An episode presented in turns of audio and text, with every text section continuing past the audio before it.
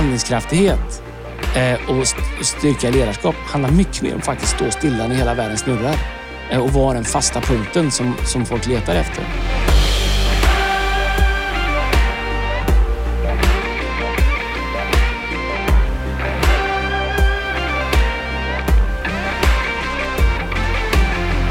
Hej, hej, hej, hej, hej, hej! Vet du- Vet du vad jag har en kille? Han, han står i Djurgårdsklacken. Står han hela tiden. Står han kvar? Är typ han kvar i ditt klack där? Nej, det tror jag inte. Men du, idag ska vi prata. Vi är välkomna tillbaka till podden förresten. Vi har haft lite uppehåll, haft lite mycket att göra. Vi har spelat ett album, vi har haft påsk, massa olika saker. Eh, idag har vi ett tema som heter att leda i utmaning, i utmanande tider. Det har- kan ju du prata mycket om. Ja, men just nu- Leksands sista 20 alltså, år. eh, Nej, alltså nu, vi, alltså så här, vet du, det är svårt att vänja sig vid medgång som Leksandssupporter. Men nu i Djurgården, det, just det här temat. På tal om där... Alltså, ni åkte ut i play- play-in. Du Ja, men vi är ju fortfarande, inte vi är slutspelet. fortfarande i SHL. Jo, men jag kan bara påminna människor som lyssnar på det här. Du har alltså sagt i den här podden ett år, alltså vi tar SM-guld. Ni kommer inte ens med till slutspelet. Det var vi ju. Nej. Vi var i slutspel. Nej, men- Play-in i slutspel. Ja, men jag Eh, vill inte prata heller överhuvudtaget. nej, men, det, är, eh, så deppigt så att det inte är sant. Men du är så här... eh, Ja, nu, du kommer, det, det, det som är kul för dig du är Djurgården i Allsvenskan är att du kommer få upptäcka Sverige på ett sätt du inte har gjort. Bortamatch tror jag i Ljungby. Sitta i bilen en liksom novemberkväll när det regnar. Det är inte så dumt. Vet du vad en- Vet du, Vet vilket, har jag sagt vilket som är Sveriges kallaste ishall?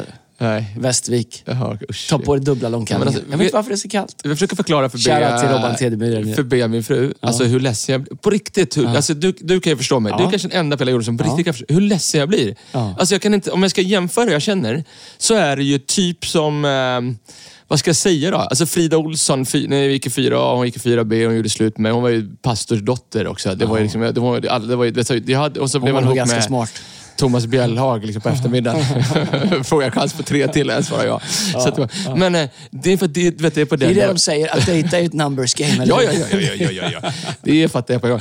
Skicka ut fler lappar. Men jag bara säger så att den, den sorgen jag känner av att Djurgården inte spelar i SHL, den, den går inte... Alltså när du säger det nu, jag, måste, jag är så ledsen. Jag får liksom, jag får, det är, skicka bibelord, någonting till mig. Ja, här, här får du inga sympatier. Nej, Men det är klart vi hoppas att Djurgården kommer tillbaks. Eh, det gör vi. Modo och Djurgården ska vara i, alltså, eller i SHL såklart. Eh, bra gjort får jag säga. Uh, Sanja Kryger och Brodin. eh, som kommer hem och det finns ju bra nu. Stopp, Stoppel, alltså våran sportchef, han är ju nya Bosse Andersson. Heter tror han jag. Stoppel? Ja, heter Stoppel eller? KG Stoppel. KG Stoppel. han är ju våran sport. Jag tror mycket på honom. Ja. Jag tror att han är... Men du, jag tänker på så här leda ut, men det här är inte förberett. Det här är ju alltid så oförberett här, men jag tänker så här, leda i utmaning. Mm. Vad har vi för sportcoacher som har lett grymt? Leda utmaning. Nej, men jag, en av de bästa, det Mm. måste ju vara när Perra Jonsson kom till Leksand. Vi hade förlorat typ 13 raka och vi går upp och... och alltså vi, ligger, förstår du? vi ligger liksom... Vi ligger utanför. Det är liksom Mm. åtta som går till, kan ta sig uppåt. Liksom. Vi ligger utanför de åtta. Han kommer in. Eh, Värmlänning. Så här, det ska bli roligt pojkar. och sen så, eh, håll inte för hårt i klubborna nu då. Och sen så börjar vi bara tokvinna så går vi upp det året. Det är ju... Ja, han köpte tårta mycket. Ja, där. han, Men var, vet, han, fika, han, men- fi, han fika upp eh, Leksand i SHL. Kurre Lindström. Ja. Eh, han, gjorde, han gjorde några vändningar mot Finland va? Ja. Alltså, så tog vi VM-guld 87. va? Han var ju otrolig. Ja, alltså. 91 och 90 där. Ja, men då var, då var det ju han andra, Ja, vet, han som blundade när vi skulle... lägga- Corneliusson. Nej, han som blundade vet, som tog OS-guld 94 till oss också. Eh, han var så dålig nerver. Kurt Lundmark. Ja, Kurt Lundmark och Kurre. Lindström. Jag Ja, pratade ja. Kurre Lindström. Men det kan, han är bra. Svennis var också en bra coach. Jag vet inte hur mycket han var liksom i... i de- Svennis. Ja, Nej, han var Svennis. bra. Ja, Vet du vad Svennis stora grej var? Ja. Svennis hade en enorm förmåga att hålla stora stjärnor Mm. i schack, att de trivdes upp. Han var bra, du, han var bra på att managera de som var svåra att managera och bygga lag. Verkligen. Och sen så har vi mer då. Bengan Johansson, alltså handboll. Gurkböcken. Ja, han var ju en riktig... Han var bra. Men Men, han den hade inte bästa- så mycket motgång, han hade mest medgång. Bästa coachen i, i utmaningar, eh, måste jag säga, Sören Åkerby. Sören Åkerby. Ja, det Du kommer ihåg, du Du dubbelt du, två börjar, du börjar så bra. Så, så, så blir det. Åkerby. Men det är kul att vara tillbaka med podden. I- när jag pratar med folk så har de saknat eh, podden och det verkar finnas två typer av människor som lyssnar på podden. Mm. De som bara lyssnar på de första tio minuterna av sport och sen spolar. Ja. Och de som spolar de första tio minuterna för att slippa sporten och sen lyssnar. Men det är kul att vi kan ha två kategorier. Och kul att det är många människor som hittar till oss också som inte har följt med oss. Gå bak och, och lyssna de sista två åren, eh, de inspelningar vi gjort. Och det finns mycket guld att plocka Ja. uppifrån. Eh, Fearless-podden med Andreas och Erik. Fearless-podden. Den är, det, det blir bra. Bra Ja. grej. Vi har haft några stora veckor. Ja, det känns som vi alltid säger, men vi har haft några otroliga veckor. Vi har haft en påsk här eh, bara för några veckor sedan som var om du får säga några ord om det, vad känner du? Vad liksom, vad är eftersmaken? Nej, den är helt otrolig. Det är... Alltså grejen, det här med, vi bygger en kyrka och en kyrka är något som är levande. Och den är levande just för att det, den är en del av, det är människor. Den bygger, det är liksom fulla människor. Och eh, eh, det gör att, eh, att känna liksom hur levande kyrkan var den här söndagen. Och känna hur, och, och fredagen och känna liksom... Alltså det, det, det, några gånger så här, under de här snart 16 åren så har man känt att det liksom bubblar. Det finns ett under, positivt undertryck av liksom saker och ting. Det kände jag i, i helgen. Det, vi kom ju från en lite utmanande period eh, som eh, eh, kyrka, med, kanske mest globalt, mer globalt än, än, än nationellt här. Eh, och vi kommer från en pandemi, vi kommer från en lockdown. Så lite grann kändes det som en comeback i, i påsk, måste jag säga. Verkligen, och se köerna liksom och eh, alltså lappeluckan, säger man så? Mm. Eh, eh, det, det var det ju verkligen. Vi hade overflow, vi, hade eh, ett par tusen människor på Cirkus på långfredagen, även i Göteborg, hur mycket folk som helst. Ja, var ju- sen måste jag säga, det kommer inte du säga själv, men vi, vi, spelar inte, vi spelar inte ett nytt album. Och de, alltså de nya låtarna, um, sångerna, hela inramningen. Otroligt bra. Alltså. Otroligt stolt över vårt team, det jobb som ni har gjort. Det, det, Jag tror att det finns någonting som kommer därifrån eh, som kommer, faktiskt kommer beröra världen. Mm, jag Eh, hoppas det. Och eh, det är... Det är, jag vet att vi inte tänker så från Sverige och vi säger definitivt inte så Mm. från Sverige. Men jag tror att de är skrivna för, för, inte bara för oss här i Sverige, utan jag tror att de är skrivna för många. Men jag tänkte ibland, det. alltså, det är, tack för att du säger det. Jag tror att du har varit jätteinvolverad i det och superchampion i det. Liksom. Jag, jag tänker också ofta på alltså, eh, efforten, liksom, när man bestämmer sig för att göra någonting på riktigt och man ger sitt allt till det. Och den tillfredsställelse som kommer ut från det. Eh, På riktigt, jag, alltså, jag tror jag sa till dig också, jag, jag tror att eh, ytterst sett så har det varit en lina till Gud, att vi upplevde att Gud sa till oss att, eh, att vi, vi ska spela in ett, ett album. Sen om det ska travel the world eller inte, det är nog upp till Gud tänker jag. Men, men tillfredsställelsen i att man, man vet att man gjort allt, allt man kan. Jag har många gånger stått på en scen och man känner så här, jag har inte gjort allt jag kan. Nej. Men, eh, men det kan jag säga att så, så kändes det i alla fall den här påsken, att vi gjort allt vi kan. Verkligen. Alltså det, Vet du vi borde göra en podd om? Nej. Tomheten efter en vinst. Eller hur? ah, måndag. Ska, ska helt ärligt jag har inte sagt det till dig. Alltså jag, eh, rent kreativt så tror jag, jag har gjort, vi har gjort jättemycket saker, men så kreativt så tror jag, eh, det, det som vi hade utlopp i fredags, Ja. så mycket har jag nog aldrig gått all in på någonting Nej. i hela mitt liv kreativt. Eh, en halvtimme in, eller 40 minuter, eh, när du gick upp och skulle predika en snabbis, så bara Ja. satte jag mig vet, vet, bredvid monitorbordet. Jag vet inte om det är också. det. Om ni undrar min helg har varit så kan jag säga att den sammanfattades precis. Nej. Jaha, skulle du också ha Nej, monitor? vi slutar. Jaha, skulle Ja, du men, ha okej. Nick? Jag skojar! Okej, då, då, hur mycket har du hört mig... Hur Jag mycket, skojar, får bara du behöver kontra en inte gång. Nej, men lyssna på bara så här. Hur mycket har du hört mig ens nämna för dig att jag inte ens hade ljud i mina lurar två första låtarna jag spelade in? Nej, men det är ju- de du har inte hört mig säga det? De jobbar ändå åt dig. Ja, jag vet inte. Jag, jag stod där bara. Men det, Nej, det är bra. Det, det var det. Men jag vet vad, jag hade... Ja, det, jag vet inte vad jag ska säga. Jag kommer inte ihåg. Hur du det. sa att du hade gått all in kreativt på Nej, jag kommer inte ihåg vad det var. Jag, jag tappade det. Hur kränkt? Det var bra i alla fall. Det var en fantastisk påsk. Teamet Okej. gjorde otroligt bra. Stolt Ja, kyrka. Verkligen. Både i Stockholm, Göteborg, Verkligen. Örebro, Jönköping och överallt det finns. Vi döpte 88 eh, personer i söndags. Det är helt Eh, otroligt. ska vi fira på söndag. Vi ska Ja. bjuda hela kyrkan på 88. Är det sant? Ja. 88. Det är den enda glassen barnen får äta i bilen hos mig. Är det så? Ja, men det är ju så sjukt mycket nötter på den. Vet du vad? Säg inte att dina barn får inte äta någon glass i din bil. Jag har Jo, suttit det själv i din bil. Nej, det har inte alls. Så, jag har själv stått och ätit glass utomhus i minusgrader. För man inte Det, det ska äta, man ska ta hand om saker. Ska Vilken mardröm det var när barnen var små och skulle hämta på dagis. Och de har så galonbyxor på sig och krypet runt i leran. Och de ska åka hem med bilen. Alltså. Det är ju så här, men man fick ju stoppa in bagagen. Ja, nej men alltså du vet, och nu... det- Nej, men det, ja, det var det. Du, idag idag ska vi prata om att leda i utmaning. Ja. Eh, och eh, aktuellt ämne, det är det. Och jag tror att en del människor när de har sett den här rubriken, de kommer in och hör oss för första gången, att leda i utmaning. Eh, och det är jättebra. Vi försöker vara så transparenta vi kan i den här podden. Eh, och, eh, eh, och det tror jag är vägledande. Aldrig sagt att vi har svaret på allting, men eh, kanske kan en resa, eh, och inte minst din resa Andreas, lära människor och ledare någonting oavsett om du går till en kyrka eller inte, om du är kristen eller inte. Vi kan ju bara prata utifrån den organisationen vi leder i, eh, en kyrka. Ja. Eh, som du och Lina startade för 16 år sedan här i, i Sverige. Man kan säga kanske att den sista kvartalet har på ett sätt, globalt sett i alla fall, varit de mest utmanande kvartalet eh, i våran, under våran tid under Hillsong, eller hur? Ja, nej, men det har det varit. Och eh, hela grejen med den här podden är att vi pratar om saker som betyder någonting för oss, som är viktiga för oss. Och det har det varit och jag tror att... Eh, ehm, ledarskap är ju alltid problemet, alltid lösningen. Eh, och i allt man går igenom så är ledarskap alltid svaret. Och frånvaron av ledarskap är alltid problemet. Men, men ja, jag, håller, jag håller verkligen med om det. Men ta oss in i, i ditt sista kvartal, eller sista, dina sista två månaderna. Eh, har det varit, eh, varit tuffa månader? Både och. Det har varit extremt tuffa månader. Eh, inte minst eh, arbetsmässigt. Vi är en kyrka i alla världsdelar, vilket gör att det pågår alla, alla dygnets timmar. Liksom. Det är Zoom-möten eh, och, och telefonsamtal och grejer sådär. Och, ehm, där, ehm, så, så det är inte arbetsmässigt, men jag tror att det är... Jag tror att när du måste leda igenom det som är... Vi använder inte ordet kris. Jag uppfattar inte att vi har en Nej, kris här i nej. Sverige. Eh, men utmaning definitivt. Eh, och, och det påverkar oss här. Och jag tror att du... Eh, det, det är lite grann som jag, jag, jag pratade med vårt staff om det. Jag, jag tror att när man går igenom, det är som att åka flygplan på turbul, och du åker igenom turbulens. Det första är att du tittar på flygvärdinnorna eller på, på stewarderna och, och om de är lugna så är du lugn. Verkligen. Om de fortsätter servera mat, då vet du att det är lugnt för de vill också hem till sina familjer. Ja. Om de sätter sig ner liksom och, och kräks i en påse, då vet du att det är dags att börja be dina böner. Du vet när de har problem på bortvagnen? du vet, det blir- Ja, visst. Ja. ja. Eh, så, så jag tror att eh, en av utmaningarna är ju att verkligen hålla huvudet eh, kallt liksom, och stå stadigt när det blåser.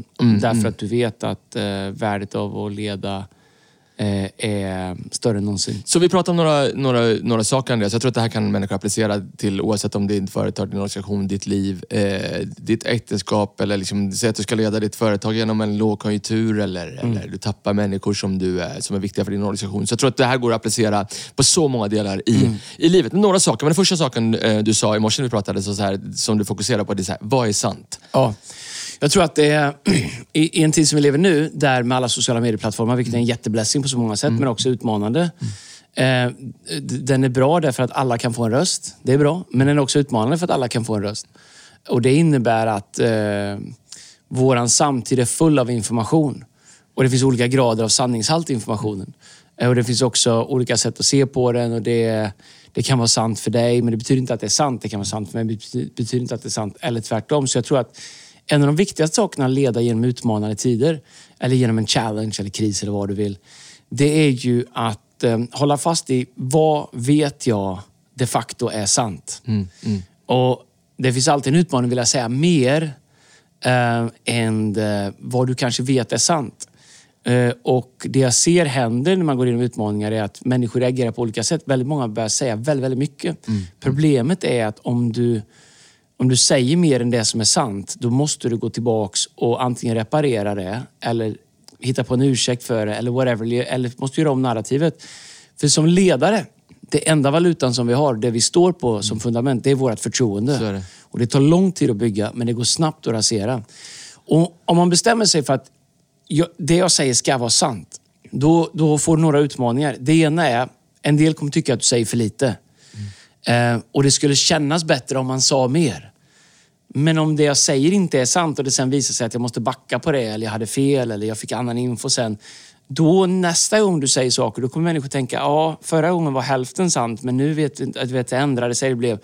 Därför är det viktigt att våga ibland kunna säga, liksom, vet, jag, jag kan säga det här med säkerhet.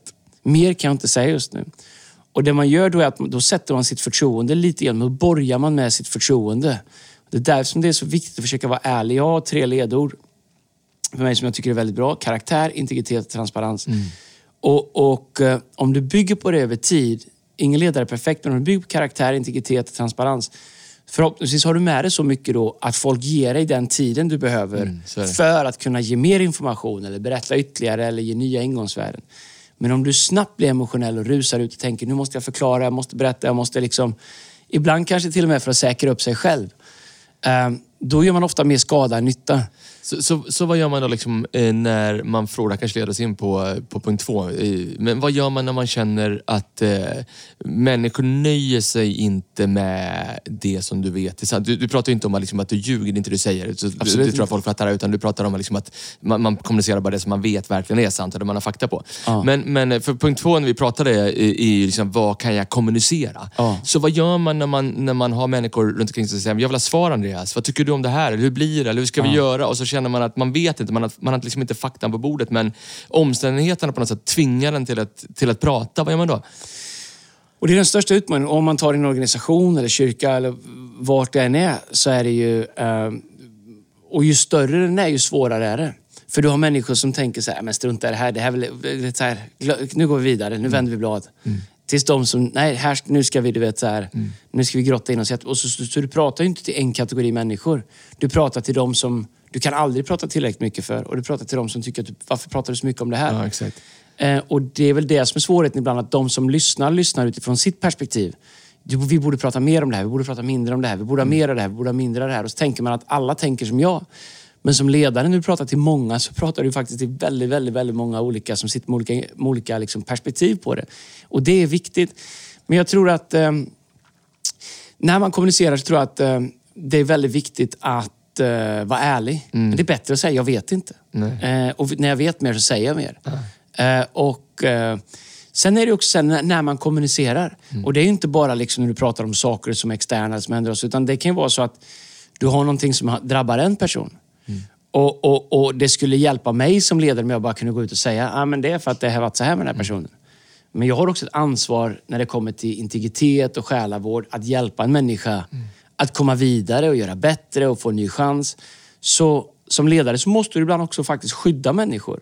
Där du, säger, där, du, där, du, där du måste resonera så här. Jag kan inte berätta allt om det här. Nej. Därför att vi är inte människor som bränner människor på bål på torgen. Nej, nej. Vi tar inte människor som misslyckas och tar dem ner till torget och bränner dem offentligt. Och jag tror det finns någonting i den cancel-kulturen som man måste vaka Uff. över. Där det är liksom, ja, nu har du gjort fel, nu ska du brännas. Uh, och uh, Vi kanske inte säger det, men, men med så snabbt som allting går så kan någonting som är en insu, insuation, eller man insuerar mm, något om någon. Mm, mm, det kan ganska snabbt bli en sanning. Som ledare så har vi ett ansvar både för att hålla människor accountable, vi har en ansvar för att vara transparenta, men vi har också ett ansvar för att faktiskt skydda människor och ge en ny chans. Om vi tittar på hur Jesus gör med, med kvinnan som begår ett äktenskapsbrott, så säger han den utan er, utan synd här, kan kasta första kasta stenen. Så han skyddar henne. Sen säger han till henne, gå och synda inte mer. Så han säger till henne, du, du, det här är inte bra för dig, du behöver göra bättre. Men han skyddar henne från de som vill, eh, som vill, som vill liksom straffa henne. Så jag tror att när man ska kommunicera det så måste du klara av att hålla flera parametrar samtidigt. Och oftast vet att jag pratar till massa människor som sitter med sin synvinkel på det. Och förmodligen så kommer ingen någonsin bli helt nöjd. Nej. Men i en organisation eller kyrka så är det så att allt som är hälsosamt växer. Så mitt viktigaste jobb är att försöka bevara hälsan i det. Mm. Och eh, jag tror att det är det är viktigt att, att, tänka att jag pratar till de vuxna i rummet så mycket jag kan. Eh, därför att de vuxna i rummet är lite som flygvärdinnor. Eh, om de är trygga så är rummet tryggt.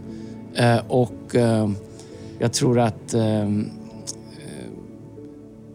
jag tror att det är viktigt att tänka när man kommunicerar att som ledare, som den som på något sätt ska liksom vara ansiktet eller du ska klä skott för det som sker eller information.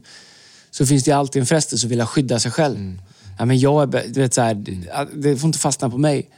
Men faktum är som ledare när man kommunicerar så ställer du upp och säger, vet du vad? Låt det här fastna på mig, men lita på mitt förtroende. Jag kommer leda igenom det här. Och göra det samtidigt som du har transparens, integritet och karaktär. Och eh, den värderingen är... Om, om du bara har perspektivet av eh, jag vill få reda på vad som är eh, vad som är, jag vill bara ha svar på mina mm. frågor eller jag vill ha mm. information. Det, det, är ju bra liksom. Men jag tror som ledare så har du alltid eh, eh, du har alltid ett ansvar att försöka värdera Behöver du den här informationen? Kommer mm. den hjälpa dig? Är du ens mogen för den här informationen? Um, är, det här, är det här rättvist för personen det handlar om att du får den här informationen? Mm. Um, vad, det, vi är en kyrka, så vi har ju bibliska principer. Och det kan man ibland tänka även i kyrkan att det skulle nog vi ibland behöva läsa på lite. Mm. Därför att vi har ju policies vad gäller staff och som arbetsplats som följer liksom alla vanliga. Men sen har vi också som kyrka, det finns ju faktiskt definierat av hur man hanterar saker och ting. Första mm. motbudet kapitel 3. Det finns massa liksom ganska eh, tydliga ramar för hur det faktiskt ska hanteras. Eh, och eh, vissa av dem är ganska tvärt emot det. Liksom att vet, jag skriver allting på Facebook. Mm. Eh, Guds perspektiv är alltid att eh, göra oss bättre. Mm. Att, Bibeln pratar i Johannes kapitel 15 om att skära bort döda grenar. Mm. Men, men Guds perspektiv är alltid också att upprätta hela Eh, det, för det, det är ju det som är hela liksom, berättelsen om evangelium. Att när vi inte kunde komma till Gud, när vi inte var värda, så kom han till oss. Och det är inte bara en one time thing. Ibland så glömmer vi bort att samma nåd som vi erbjuder människor vid ett altarcall, den nåden är fortfarande tillgänglig 20 år senare när du behöver den, eller 30 eller 40 år. Och där måste, vi måste klara av att hålla de olika sakerna rätt, rättfärdigt och rent, absolut. Men också eh, att Gud använder ofullständiga eh, människor, vilket skapar situationer som vi måste leda igenom. Och jag tänker så att jag vill ge den nåd när jag kommunicerar, som jag kanske själv kommer behöva en dag. Men jag tror att, eh, så återigen tillbaks när man kommunicerar. Jag har alltid valt att göra det jag vet är sant, kommunicerar jag. Eh, och och, och eh, det jag Paulus han säger så här, det som är sant, det som är rätt, det som är rent och det som är uppbyggligt. Tänk på de sakerna. Så när jag kommunicerar så vill jag att jag ska checka de boxarna. Att det ska vara sant, det ska vara rätt, det ska vara rent och det ska vara uppbyggligt. Ja. Eh, eh, en del säger att eh, det är ingen fara att säga sanningen. Well, det är det ju såklart inte. Sanningen sätter oss fria. Ja. Men du vill ju inte att alla ska veta sanningen om dig. All sanning, alltid. Förstår du? Du, Nej. du vill inte... Jag tycker, tror att du sa det väldigt bra att om filmen om mitt liv skulle spelas upp offentligt så skulle han vilja ha en ganska nedklippt version. så vi måste också fundera på vad sanning är. Och, och, och vilken sanning är till för vem? Och tänk så här, alltså jag, jag tänkte faktiskt på häromdagen, eh, jag såg ett klipp eh, med pastor Todd Mullins eh, på Instagram eh, som vi var hos häromveckan i, i Miami och han predikade om, liksom, om eh, alltså, the, the challenges som några av våra, liksom, våra riktiga heroes i Bibeln hade. Tänkte jag så här, liksom, undrar hur många av dem som ens skulle överlevt 2022. Det hade de gjort för de var utvalda av Gud. Men alltså, Eh, jag tror att de, många av dem har haft eh, utmaningar liksom, sett till dagens cancerkultur. Och jag tänker på många människor som skriver på sociala medier. Alltså, du vet, så här, alltså, när man gör det, så tänker man på andra sidan där så är det faktiskt någon människa, oavsett om den människan är offentlig eller inte, den också känns precis som du har. Absolut. Den, den kämpar, du, vet, så, du som skriver de här sakerna, liksom, har du ens funderat? Alltså, din pappa, din mamma, det är liksom, det är, det är en dotter, din son. Det, är, det där är frustrerande, inte minst när man har barn som, det vet ju du som har tonår, som har tonårsbarn, jag har också barn som är på väg upp i det. Alltså, det, det där kan krossa ens hjärta ibland. Alltså. Och kyrkan, om man nu får prata till den kristna audiensen här. Liksom. Och det är inte på något sätt liksom att vi försöker sopa någonting under mattan. Det är verkligen inte det jag säger. Men jag säger så här, kyrkan borde vara något annat Absolut. än den, andra, den cancerkulturen som finns runt i Verkligen. världen. Det är sjukt ibland när jag ser kristna människor, vad de skriver på sociala medier. Det är, alltså, det, jag tycker det är Nej, jag blir så irriterad på det. det. Finns inte. Men jag tycker du gör det grymt Andreas och jag tycker framförallt att du, att, att du kontrollerar vad du kommunicerar. Bara en sak innan vi går in på liksom nästa punkt här nu. Men ta oss, liksom, för du har ju haft ett antal söndagar när du har gått upp nu och där du har hållit en mick och folk har förväntat sig någonting. Hur, ta oss resan dit. Liksom, hur ser urvalet ut? ut? För vi pratar på punkt två- nu, vad du, vad du kommunicerar. Hur, på något sätt, hur ser, liksom, är det intuitivt eller sitter du ner på fredagen, på lördag, skriver du ner? Liksom, hur ser processen ut till att du landar i faktiskt, det här ska jag kommunicera på söndag? Um, ja, det är mycket tankekraft bak. Alltså, jag mycket inre konversationer och jag bollar ju med människor och sådär också. Men jag tror för min del när jag väl ska börja tala så är det för mig så är det alltid bäst att tala från hjärtat. Jag, har, jag har faktiskt aldrig någonting nerskrivet. Och det är för att jag, jag funkar inte riktigt så. Att läsa det för mig eh, blir nästan ett hinder. Så för mig så är det viktigt att ta mitt hjärta till en plats där det här är mitt hjärta. Eh, och, eh, så när jag, när jag talar om känsliga saker och större saker så vill jag alltid komma från mitt hjärta därför att eh, jag, jag vill att det ska vara ärligt. Jag vill att det ska vara eh, på riktigt. Ehm, Folk känner det, tror Ja, jag jag också. hoppas det. För det eh, så för mig så är det... Jag, jag, jag talar från hjärtat. Mm. Eh, och eh, när man gör det så blir man också på ett sätt ganska hudlös. Du måste liksom utlämna dig själv lite grann till. Men jag tänker att... Eh, men i våran kyrka måste jag säga att det är... Alltså, jag är så tacksam för våran kyrka. Jag, och jag har inte mycket annat att jämföra med här. Men, men det är... När man gör det Mm. hos oss så tycker jag att man blir väldigt varsamt bemött. Ja. För man, du är ändå liksom, du, du slänger ut det där lite, det känns halvnaket. Men våran kyrka är så varsam och så uppmuntrande. Och våran kyrka är smart och har bra frågor och ifrågasätter. Så det är inte det, men, men jag tycker vår kyrka har varit så otroligt kärleksfull och uppmuntrande i det. Även under det som ibland har varit utmanande. Och det gör att det blir enklare att fortsätta tala direkt från hjärtat. Liksom. Jag tror att det blir positivt för alla. Sjukt bra. Okej, så första saken, vad är sant? Andra saken, vad kan jag kommunicera? Tredje saken, vad kan jag kontrollera? Eh, när saker och ting gungar så har vi ofta en känsla att liksom, nu vill jag surra fast allting. Och du blir... Man kan tappa perspektivet på att leda för att du är så fokuserad på att kontrollera. Och jag tror att du måste snabbt du måste lära dig bli bra på att snabbt bestämma sig. Vad av det här kan jag kontrollera? Eh, och vad är bortom min kontroll? Och välja de här sakerna kan jag kontrollera. Jag kan kontrollera mig, mitt beteende, min reaktion. Eh, Och vad det nu än är, vilka saker. De här kan jag kontrollera. Så jag fokuserar på det jag kan kontrollera. Och så leder jag därifrån. Men om jag vill börja kontrollera saker som är bortom min kontroll, så kommer jag bara bli desillusionerad och jag kommer inte kunna leda.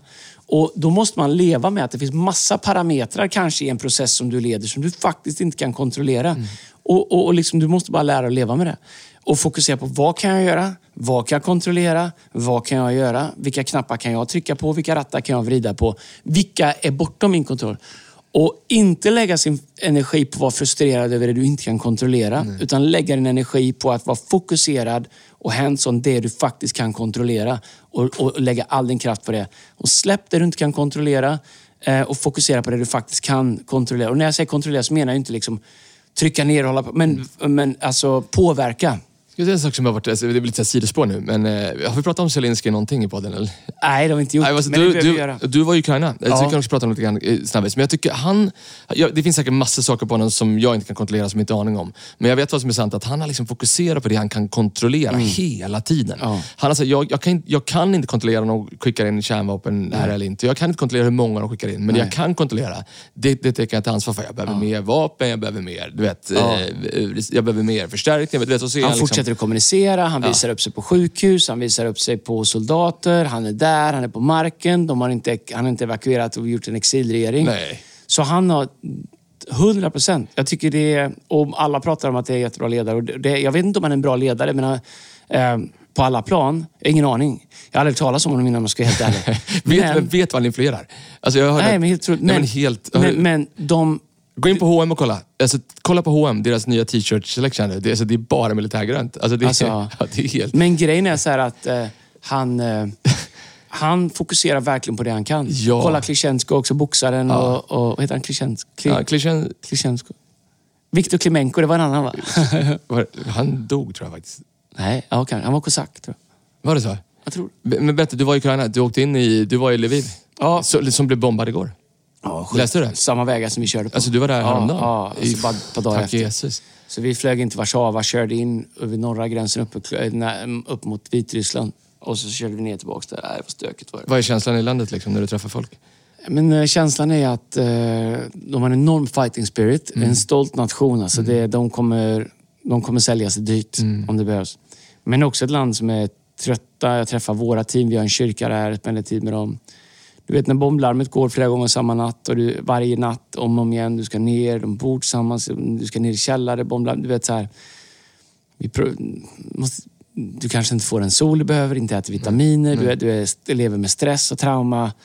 Um, de börjar ju, våra, våra liksom församlingsledare, de börjar varje morgon med att ringa så många de kan i hela kyrkan och se vilka som svarar efter natten. Uh, alla av dem har familj i flera av de här städerna, Mariupol, Charkov, alla som de inte får tag i. Mm, mm. För att den mentala stressen är ju eh, den är enorm. Ja. Den är enorm. Eh, och, eh, men de gör ett fantastiskt jobb, det är vårt team. Alltså, helt otroligt. Alltså. Ja. Helt, helt otroligt. På tal om att leda utmaning. Ja, ja, Tack, tack till alla er som lyssnar på det som är med och hjälper till oss. Så vi, vi har ett stort arbete, både vårt norra campus i Göteborg och även nere i Ukraina. Vi hade, pratade med en tjej som kom till Cirkus i söndags, 15 eh, år från Charkiv, säger man så. Mm. Varit på flykt i, i 47 dagar. Kom eh, på, eh, i lördags, påskafton, till, eh, till Stockholm. Och kom till kyrkan påskdagen. Alltså jag kan, jag kan inte ens, alltså du vet hennes ögon och henne, mm. alltså man ser liksom den, den tröttheten. Mm. Mm. Men också den glädjen att få stå en sekund liksom och, och uppleva Guds närvaro och mm. få liksom någonting varmt att dricka. Och liksom, ja. och, det är... Känna, känna sig säker och trygghet. Men grejen är också att det är, så, det är så paradoxalt för dem. Vi har ju många som vi jobbar med nu. Mm. Ehm, de kommer hit, känner tryggheten och säkerheten, men så har de kvar familj där borta. Mm. Så att det är nästan mm. ännu värre att, att vara säker själv och veta att familj, du har liksom farmor och mormor. Problemet är att det är de gamla och sjuka som inte kan ta sig ut ur lägenheten. Jag pratade med någon som har en farmor som är över 90 år. Hon kan inte gå ner för trapporna. Ehm, så hon kan inte bli evakuerad. De hittar ingen som kan bära ner henne. Så mm. det är det är hemskt. Är det. Och tydligen så är ett väldigt stort behov just nu är ju liksom att de som kommer till Sverige, att de har, liksom, de har ju levt på varandra på båtar och bussar och så vidare i 47 dagar som den här tjejen. Då. Och så, så hamnar man liksom i ett boende liksom med 20 andra i en liten gympahall. Liksom, så lever på varandra. Så, så att det största requesten just nu är inte kläder och mat utan det är headphones, airphones. Så man kan stänga in sig själv. Bara så här, få tyst två sekunder och bara vara med mig själv. Och du vet, så här, så att det är, ja, det, på tal om vad man kan kontrollera. Det har Celine skrivit Ja, bra. Eh, verkligen. Det, är otroligt. Andreas, så första saken, eh, eh, säg det som sant. Vad Ja. kan jag kommunicera? Andra saken, vad kan jag kontrollera? Tredje saken, fjärde sista saken, eh, stå stilla. Ja, jag tror så här att eh, när man är, när jag, var, in- jag är ändå 47 år i år. Det är, det är sjukt. Alltså, hur blir man så... Nej, jag har ingen åldersnöd. Jag tycker det är härligt. Eh, det är snart 50. Men sluta. Ja, Det är inte långt kvar. Det är ofattbart. Det kan jag inte ta in. Det går inte. Det kan jag inte Jag, göra. jag, jag, jag önskar en sak, men jag ska komma ihåg det då. Va? Jag fick Fem- önska en sak. En sak. Ja. Ja. jag har ingen aning. Jag, inte. Nej, jag vet inte. Jag vet inte. Jag vet ingen Vad är det? Fred på jorden. Snälla barn. Det har jag det. uh, nej, men uh, jag tror att uh, när man, när man var yngre så är man mycket mer reaktionär i sitt ledarskap. Jag tror när du har gått igenom lite utmaningar och kriser som ledare eller du har lett igenom svårigheter eller stökiga tider så inser du liksom att livet är fullt av säsonger. Och Jag tror att det är jätteviktigt i success, när du har grym framgång, att våga stå stilla i den. Att inte ryckas med i den. Att tappa fotfästet. Och det är lika viktigt när det går igenom utmaningar, att veta när du ska stå stilla och inte, inte liksom låta knäna få vackla. Eller du vet, bli överreaktiv eller överkompensera ditt ledarskap. Jag tror att en jätteviktig viktig attribut, det är, det, är precis du vet, det som är känslan på ehm, det är lite som när jag kom hem när jag var liten. Jag trodde de Jesus hade kommit och ringde jag mormor. Om hon svarade så var det lugnt. Jag tror jag Vilken kvar. panik det var, alltså. Det är- Men, men eh, det kan säga något om kanske eh, darbismen för er som vet vad det är. Men, eh, men när, jag, har ju varit, jag har ju varit i sjuk turbulens. Jag har ju suttit liksom i så här kraschlandningsställningar på flygplan. du Vet, när, I Texas El Paso och andra ställen. När, när flygpersonalen spyr och gråter. Liksom. Då vet man ju att nu är det, liksom, nu är det rörigt. Men jag har också varit turbulens när jag tänker att det här är inte bra. Liksom. Eh, när de fortsätter att servera. Och Jag tror som ledare, eh, är en av de bästa sakerna han gör, att han, han verkar stå stilla i det. Här. Och Jag tror som ledare, eh, ofta är det inte vad du säger, utan hur du faktiskt står. Din posture, ditt kroppsspråk, ditt sätt att eh, inte ha panik, att inte ha tunnelseende. För mig är det viktigare än någonsin. Det är alltid viktigt, jag älskar det, men var i foajén, var tillgänglig, prata med människor. Eh, jag tror som ledare att vara närvarande, att vara tillgänglig, att vara stadig. Eh, att inte drabbas av panik. Det är, för som ledare så kan vi förstärka det vi går igenom. Men vi kan också liksom gjuta olja på det. Det Men vet du vad, det är också, jag vill bara säga att i success ehm, så är det lika viktigt att veta när du faktiskt ska stå stilla, stå stadigt och inte låta det gå dig åt huvudet. Eller tro liksom att jag kan göra vad jag vill, jag är odödlig. Och så gör du liksom saker som är helt irrationella för du tänker att du är untouchable.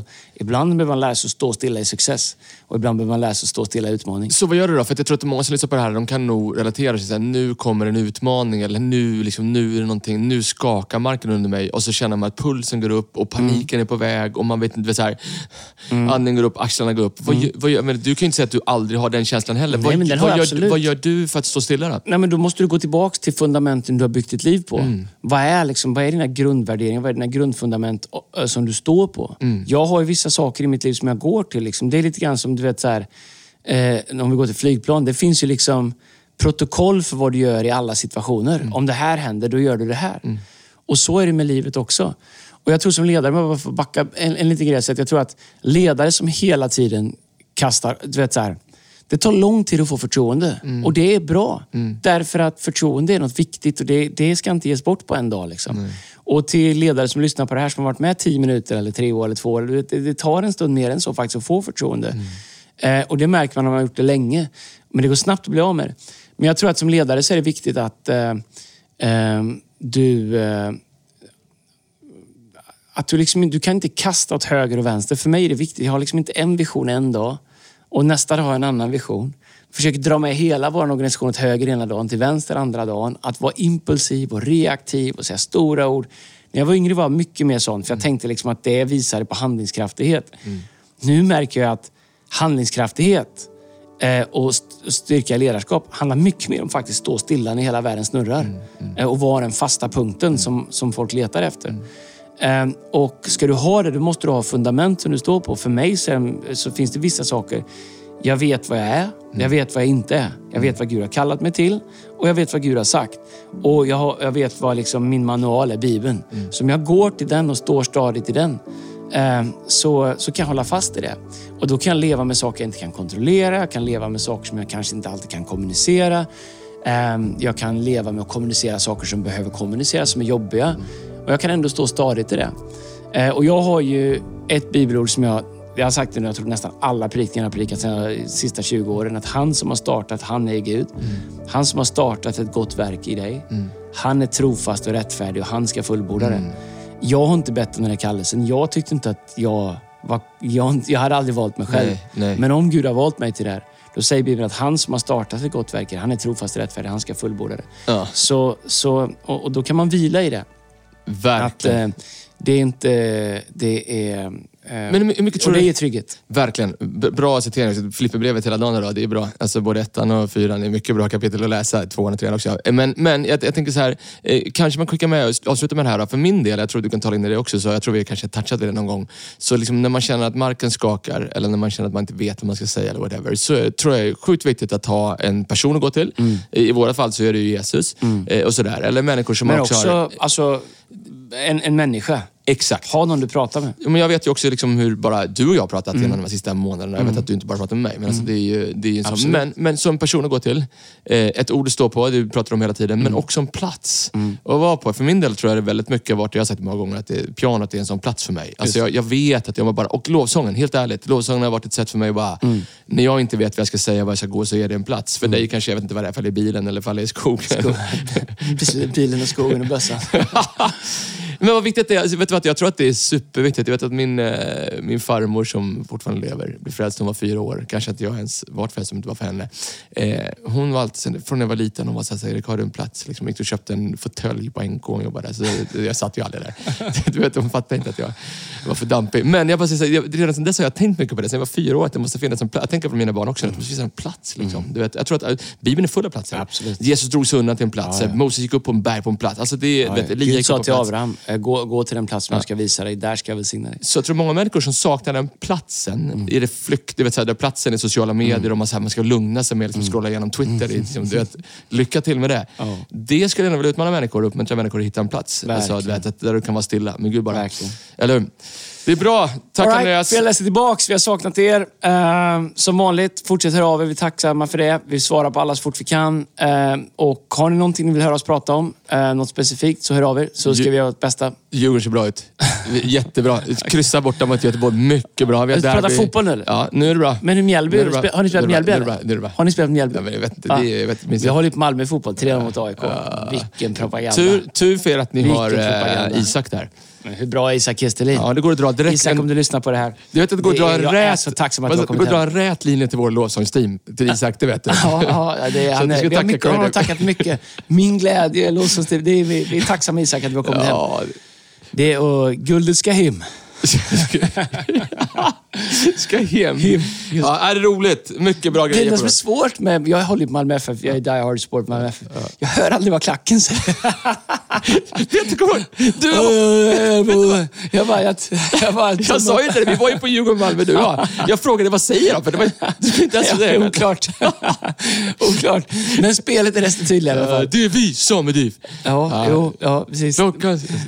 Ja, vi ja. ska vinna SM-guldet. Vi är Sveriges bästa lag. I allsvenskan i Djurgården. hockey Vi kallas det inte SM-guld. Det kallas kvalspel. Ja. Ha det bra allihopa! Ja. Att vara Men så tillbaka. spela någonting nu. Yes. Nu spelar någonting. musik. Ja. Vad ska vi köra nu då? Uh, vad har det kommit som är bra? Uh, vi ska tänka på sånt här innan. Gör Det, folk det, som är det är hela grejen. Det är därför det är bra att vi kör det nu. Nu är det. Okej, men vad har vi lyssnat på det sista då? Uh, Ja, jag har varit i så här svår, mo- så här, eh, lite deppig musik, men det har varit bra ibland. Jaha, eh, jag har lyssnat igenom hela David Foster-platt. Uh, det, det var ju... Den är för svår. Uh, Ska jag säga en sak då? Medan du letar, Mhm. så kanske det här ändå skulle kunna vara en nice grej, Andreas. Mm. Eh, vad heter det? Vi pratar om leda utmaning. Eh, en av sångerna som är på nya al- albumet heter eh, Sing Hallelujah. Och en av mina highlights ifrån i helgen var eh, eh, att höra Jonathan Brandström sjunga Sin where's your power, death where's your sting now, hell Mm. where's your victory. Nej, du har inte speeding för det här. Jag säger det. jo, jo, jo, förlåt. Jo, kör. Det vet du bra. SMS. Nej, va? Läser SMS. Nej, jag kollar min uh, title. eh, på låtar. Jo, men kör den. Den är bra. Alltså fade upp den nu, Hanna, lite grann. Eh, hör tusentals människor på Cirkus. Vet du vad? Den är skriven utifrån en man som hade förlorat sin egen son ett år tidigare och så, så fortfarande kan sjunga Sin where's your power, Ja. Death where's your stinger, Hell where's your victory, We know who won, Jesus Messiah, Champion of heaven, King forever. Det är någonting som är, på tal om så stilla, och låta Gud strida för oss. Verkligen. Fade it up. Eh, Fearless är tillbaka om två veckor igen. Glöm inte att, att prenumerera eh, och eh, sprida ordet om den här podden. Ha en sjukt bra helg. Ha det bra allihopa. Vi ses snart. Hej då. Hej då. Sin where's your power? Death where's your sting now? And where's your victory? Cause we know